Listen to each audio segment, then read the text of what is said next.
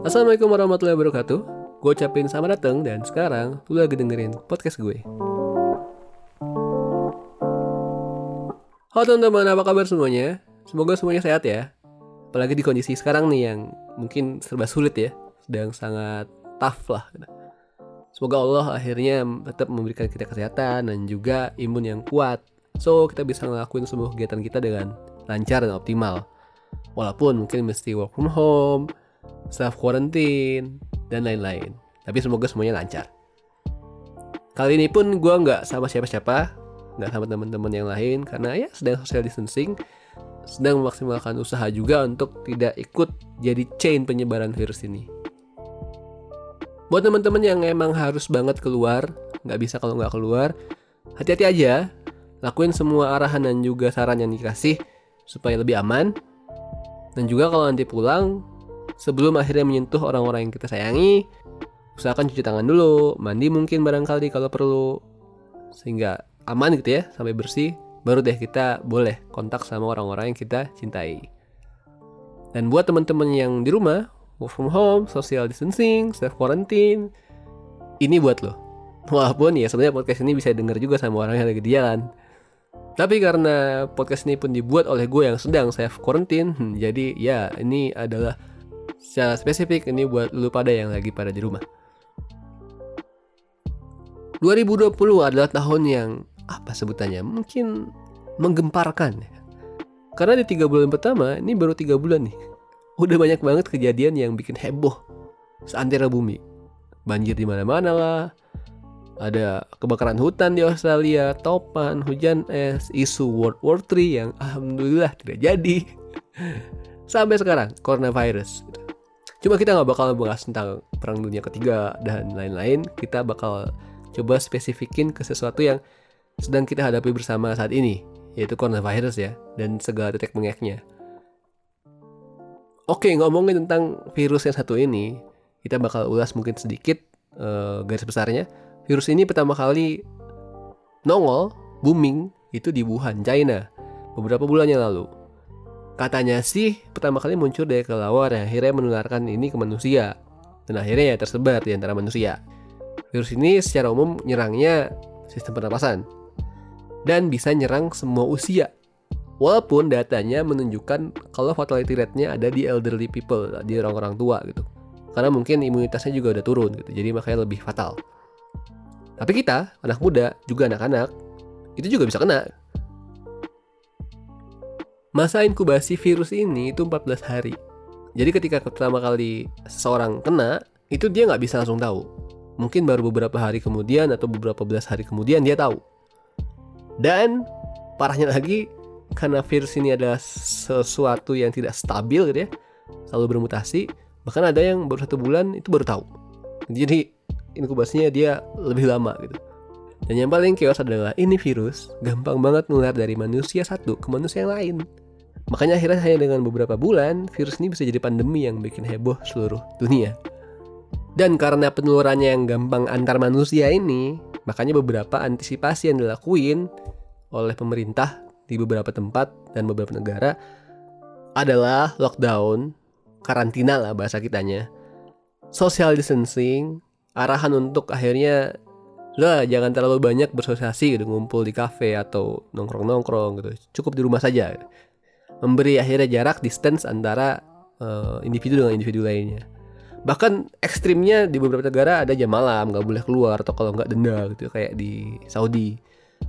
Di Rusia yang katanya nemu meme itu di Rusia katanya di jalan-jalannya disebar singa dan beruang. Supaya orang nggak keluar gitu kan. Chaos juga kalau ketemu uh, mau jajan bakso keluar tiba-tiba ada singa itu chaos juga itu nggak tahu ya itu di meme jadi mungkin kurang akurat beritanya. Tapi itu tadi e, karena penyebarannya gampang banget banyak e, akhirnya sosial function kegiatan sosial yang akhirnya di, dibatasi. Dan yang paling sedih adalah penutupan tempat ibadah gereja masjid dan tempat-tempat publik yang memungkinkan untuk orang berkumpul dengan jarak dekat dan masif gitu ya.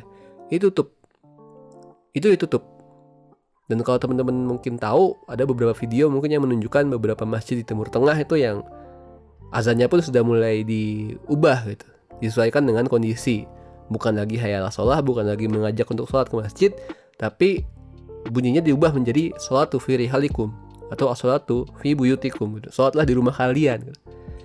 ini heartbreak nih sangat bikin patah hati sih cuma ya ini harus dilakukan karena karena memang ini yang terbaik gitu nah salah satu hal yang bikin gua bikin podcast ini adalah hal ini maksudnya apa Beberapa saat yang lalu gue nemu sebuah video di Instagram nunjukin videonya ini di Bandung. Itu Masjid Raya Bandung ditutup sementara menanggapi uh, virus ini yang merebak gitu. Jadi masjid tutup tidak digunakan untuk umum, ada Jumat dan lain-lain. Kemudian ada beberapa orang yang dia ini protes, kenapa akhirnya masjid ini ditutup? ini akhirnya menghalangi ibadah kayak gitu gitulah spanduk yang uh, nerangin kalau masjid ini sementara ditutup tuh dicabut dan lain-lain. Takut tuh cuma sama Allah deh jangan sama virus. Nah ini yang akhirnya bikin gue kok gini sih? Kok kok sedih sih liatnya? Gitu. nggak gini harusnya. Gitu. makanya ini akhirnya uh, kita bakal bahas ke depannya. Sebenarnya gimana akhirnya kita menyikapi virus ini dalam sudut pandang seorang muslim kejadian wabah kayak gini itu bukan pertama kali. Jadi di beberapa kondisi itu di era Nabi pun pernah ada, di era sahabat pun pernah ada. Dan teman-teman perlu catat, di bawah matahari itu nggak ada yang baru. Semuanya pernah kejadian zaman dahulu gitu. Yang baru mungkin sekedar subjek dan objeknya aja. Kalau misalkan intinya mah pasti pernah ada sebelumnya gitu. Jadi di bawah matahari ini nggak pernah ada yang baru banget gitu. Termasuk wabah ini.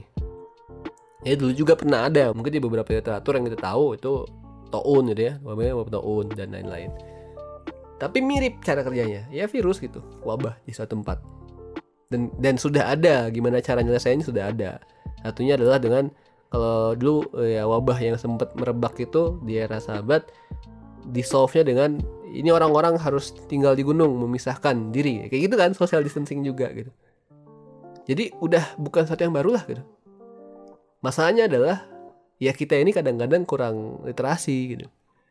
Kurang mengetahui hal-hal kayak gini gitu. Anggapannya ketika kita menutup masjid gitu membatasi interaksi sosial ini kita lebih takut sama virus daripada sama Allah nggak gitu deh jadi kayak kalau takut sama sesuatu yang kita menghindari dia karena kita takut dibahayakan oleh sesuatu ini itu boleh gitu soalnya Islam itu bukan agama yang mengesampingkan sunatullah. Bukan agama yang mengesampingkan sebab akibat.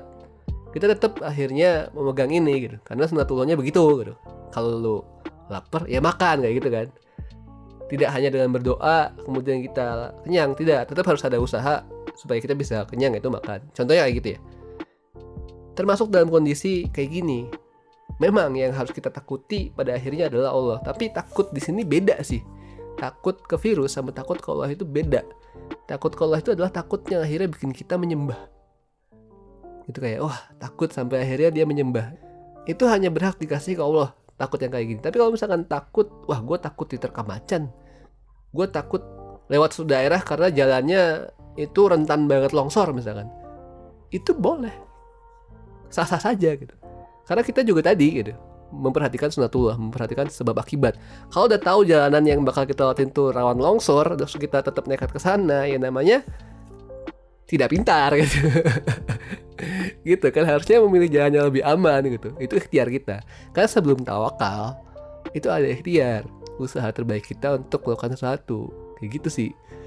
Nah, mungkin kita bakal coba bahas beberapa apa ya, beberapa nas yang akhirnya bisa mendukung bahasa kita kali ini. Satunya adalah ayat surat An-Nisa ayat 29. Bunyinya kayak gini. Bismillahirrahmanirrahim. Wala taqulu anfusakum innallaha kana bikum rahima. Artinya, dan janganlah kamu membunuh dirimu. Sesungguhnya Allah adalah Maha Penyayang kepadamu. Jadi ini secara eksplisit larangan untuk bunuh diri. Ya, ini eksplisit larangan untuk bundir. Tapi kalau misalkan kita mau tarik lebih jauh, berarti segala sesuatu yang akhirnya membahayakan diri kita itu juga dilarang. Termasuk tadi pilihan-pilihan yang akhirnya ini tahu jalannya udah mau longsor tetap ke sana, jangan gitu. Pilih jalan yang bikin kita aman. Termasuk tentang wabah ini. Wabah ini gampang banget nyebar dari manusia satu ke manusia yang lainnya. Dan fatality rate-nya ada di elderly people. Kalau misalkan kita saat berjamaah sedangkan daerah itu red zone yang rawan banget virus ini udah banyak di situ, ya memang mungkin kita anak muda atau misalkan ya yang sedang dalam masa-masa produktif imunnya kuat tapi kalau misalkan kita jadi pembawa gitu kemudian nularin ke orang tua orang tua yang meninggal itu kan berarti ketidakmintaran kita walaupun akhirnya e, mati pun sudah tangan Allah tapi kan wasilahnya wasilah kita jadinya gitu padahal kita bisa menghindari itu kalau misalnya kita mau menurunkan ego gitu jadi kita nggak boleh akhirnya melakukan sesuatu yang bikin bahaya diri sendiri, apalagi orang lain. Ada sebuah hadis yang cukup masyhur ya di kalangan anak-anak santri pondok yang diriwayatkan sama Hakim dan Ibnu Majah. Bunyinya la dororo wala diroro. Jangan membahayakan dirimu sendiri dan membahayakan orang lain. Jangan memudaratkan dan jangan dibudaratkan. Kayak gitu. Mudarat tuh bahaya. Mudarat itu sesuatu yang akhirnya bisa bikin rugi gitu. Dari hadis ini dan juga beberapa hadis terkait mudarat yang lain, beberapa ulama usul fikih itu merumuskan sebuah kaidah usul fikih yang bunyinya ad-dororo yuzal. Jadi kemudaratan itu harus dihilangkan. Hal-hal yang bikin mudarat itu harus dihilangkan. Ini kaidah usul fikih yang bakal menurunkan banyak kaidah-kaidah di bawahnya. Salah satunya adalah darul mafasid muqaddamun ala jalbil masoleh. Menghilangkan mudarat jauh lebih utama daripada mendapatkan manfaat. Ini yang jadi dasar mungkin DKI Masjid Bandung dan beberapa masjid lain menutup masjidnya karena menghindarkan mudorot itu lebih utama daripada mendapat manfaat. Oke ya betul saat jamaah di masjid itu bakal bikin kita 27 derajat lebih tinggi pahalanya dibanding sholat sendiri. Itu manfaatnya. Ada ukhuwah juga, sayang sapa gitu kan, sayang tanya kabar. Cuma mudaratnya tuh nggak main-main. Gitu yang juga ujungnya bisa menyebabkan kematian. Terus apa nanti yang bakal kita kasih? Argumen apa yang bakal kita kasih? Kalau misalkan ada yang meninggal gara-gara wasilah kita nyebarin virus ke dia, kita berakun dengan sebuah keterangan yang bilang barang siapa yang menyelamatkan satu nyawa itu seolah-olah menyelamatkan seluruh manusia dan barang siapa yang membunuh satu nyawa itu seolah-olah membunuh semua manusia. Itu kan kita jadi pembunuh, Pak. Satu lagi keterangan yang mungkin teman-teman perlu tahu terkait hal kayak gini ya itu ada sebuah kisah tentang sahabat Nabi, sahabat Rasul, dikisahkan di sebuah hadis yang diriwayatkan sama Abu Dawud. Hadisnya panjang, ceritanya kayak gini. Jadi sebuah kelompok jalan, kelompok sahabat Rasul, kemudian salah satu dari kelompok itu kejatuhan batu dan kepalanya terluka. Terluka nih orang ini terluka sahabat Nabi ini. Kemudian dia mimpi basah. Tidur mungkin mimpi basah.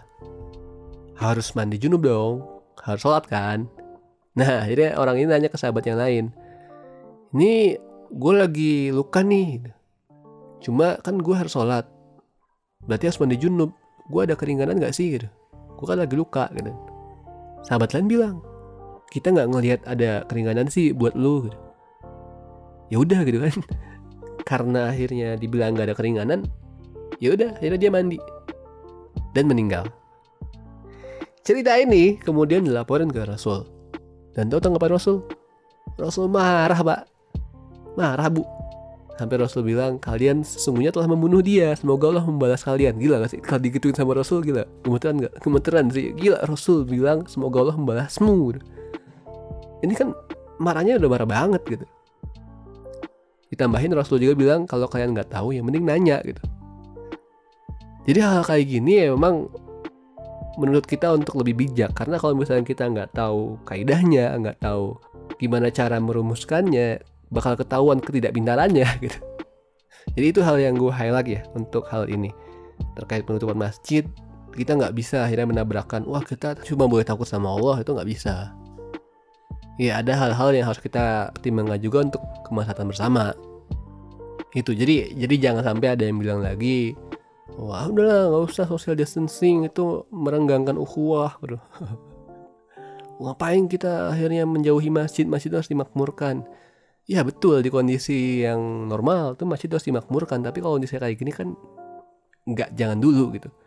Bahkan ketika akhirnya cewek dan cowok nggak boleh berpegangan kalau ada seorang cewek mau jatuh ke jurang pegang tangannya selamatin. Ya gimana coba kalau misalnya ada cewek bukan haram kita jatuh ke jurang gitu. Terus kita aduh bentar aja nyari kain dulu. Kan keburu jatuh pak. Itu nih kondisinya darurat gitu kondisinya tidak sedang umum makanya akhirnya motivasi untuk memakmurkan masjid itu nggak sekuat anjuran untuk bikin jarak antar manusia di kondisi yang sekarang. Satunya dengan tadi ya sholat jumat sholat jamaah itu kalau bisa ya ditunda dulu gitu. Karena gini kalau misalkan kita ngeyel gitu ya kalau misalkan kita tetap egois ini bisa panjang gitu. Kita nggak berharap akhirnya virus ini jadi lebih panjang lagi lebih lama lagi. Soalnya beberapa puluh hari lagi udah masuk Ramadan kalau misalkan akhirnya virus ini sampai Ramadan gitu kasusnya coba bayangin deh Ramadan bakal sesepi apa? Nggak akan ada taraweh nggak akan ada sholat id nanti. Bakal sehambar apa Ramadan nanti kalau misalkan virus ini akhirnya sampai di sana? Dan kita pun nggak berharap untuk itu terjadi gitu. Dan kita pun khawatir juga nih kita sampai kan di Ramadan? gitu kan. Kayak sama-sama yuk kita coba turuti SOP-SOP yang udah difatwakan oleh MUI yang udah dikasih sama pemerintah supaya semua ini cepat berakhir lah gitu. Jadi kita bisa menjalani Ramadan dengan tenang dan Idul Fitri juga bisa kita nikmati dengan tenang. Bisa sholat rahim ke tetangga dekat ke saudara-saudara gitu. Nggak lagi kepikiran corona corona lagi gitu. Gitu sih. Dan teman-teman jadi kayaknya. Corona ini juga bisa jadi tempat kontemplasi kita tempat kita buat berenung sih. Karena di kondisi social distancing kita bisa lebih dekat dengan Al-Quran kita bisa ngelakuin ibadah-ibadah lain yang mungkin sehari-hari kita jarang bisa lakuin karena kesibukan. Kita bisa mungkin lebih mengenal diri sendiri dan lain-lain. Utamanya adalah ketika kondisi kayak gini nongol pasti bakal banyak masalah yang muncul masalah akhirnya. Sepi lah pedagang nggak ada yang beli. Ojol juga nggak ada yang beli. APD alat pelindungan diri para tenaga medis juga kurang. Pasti bakal banyak masalah yang muncul. Dan ini jadi ladang amal buat kita semestinya. Dan alhamdulillah banyak banget yang respon ini dengan cara positif. Ada yang bikin crowdfunding buat patungan beli APD buat tenaga medis. Ada yang ada yang bikin campaign beli orderan makanan ojol buat abang ojolnya dan lain-lain. Jadi ini juga bisa jadi ladang kita untuk melakukan kebaikan-kebaikan yang sebelumnya mungkin nggak bisa kita lakuin. Di kondisi kayak gini masalah bakal banyak nongol dan baiknya kita bisa jadi solusi dari masalah itu. Bukan hanya mengutuk kayak misalkan wah ini gara-gara ini nih wah ini gara-gara kebijakannya nih wah ini sih nggak lockdown sih dan lain-lain. Daripada kita mengutuk ya mending kita melakukan suatu perubahan yang bisa kita lakuin dari diri kita sendiri gitu sih. Ya semoga intinya semua yang terjadi sekarang bisa bikin kita lebih dewasa dan bisa bikin kita lebih dekat lagi sama Allah. Itu aja sih. Ya teman-teman selamat bersosial distancing selamat self quarantine selamat self Quran time dekatkan diri dengan sang holik semoga ini sifat berlalu. Amin. Semoga kita sampai di Ramadan dan semoga Ramadan bisa kita jalani dengan tenang sampai Idul Fitri nanti itu aja dari gue. Gue mohon maaf kalau ada kesalahan. Assalamualaikum warahmatullahi wabarakatuh.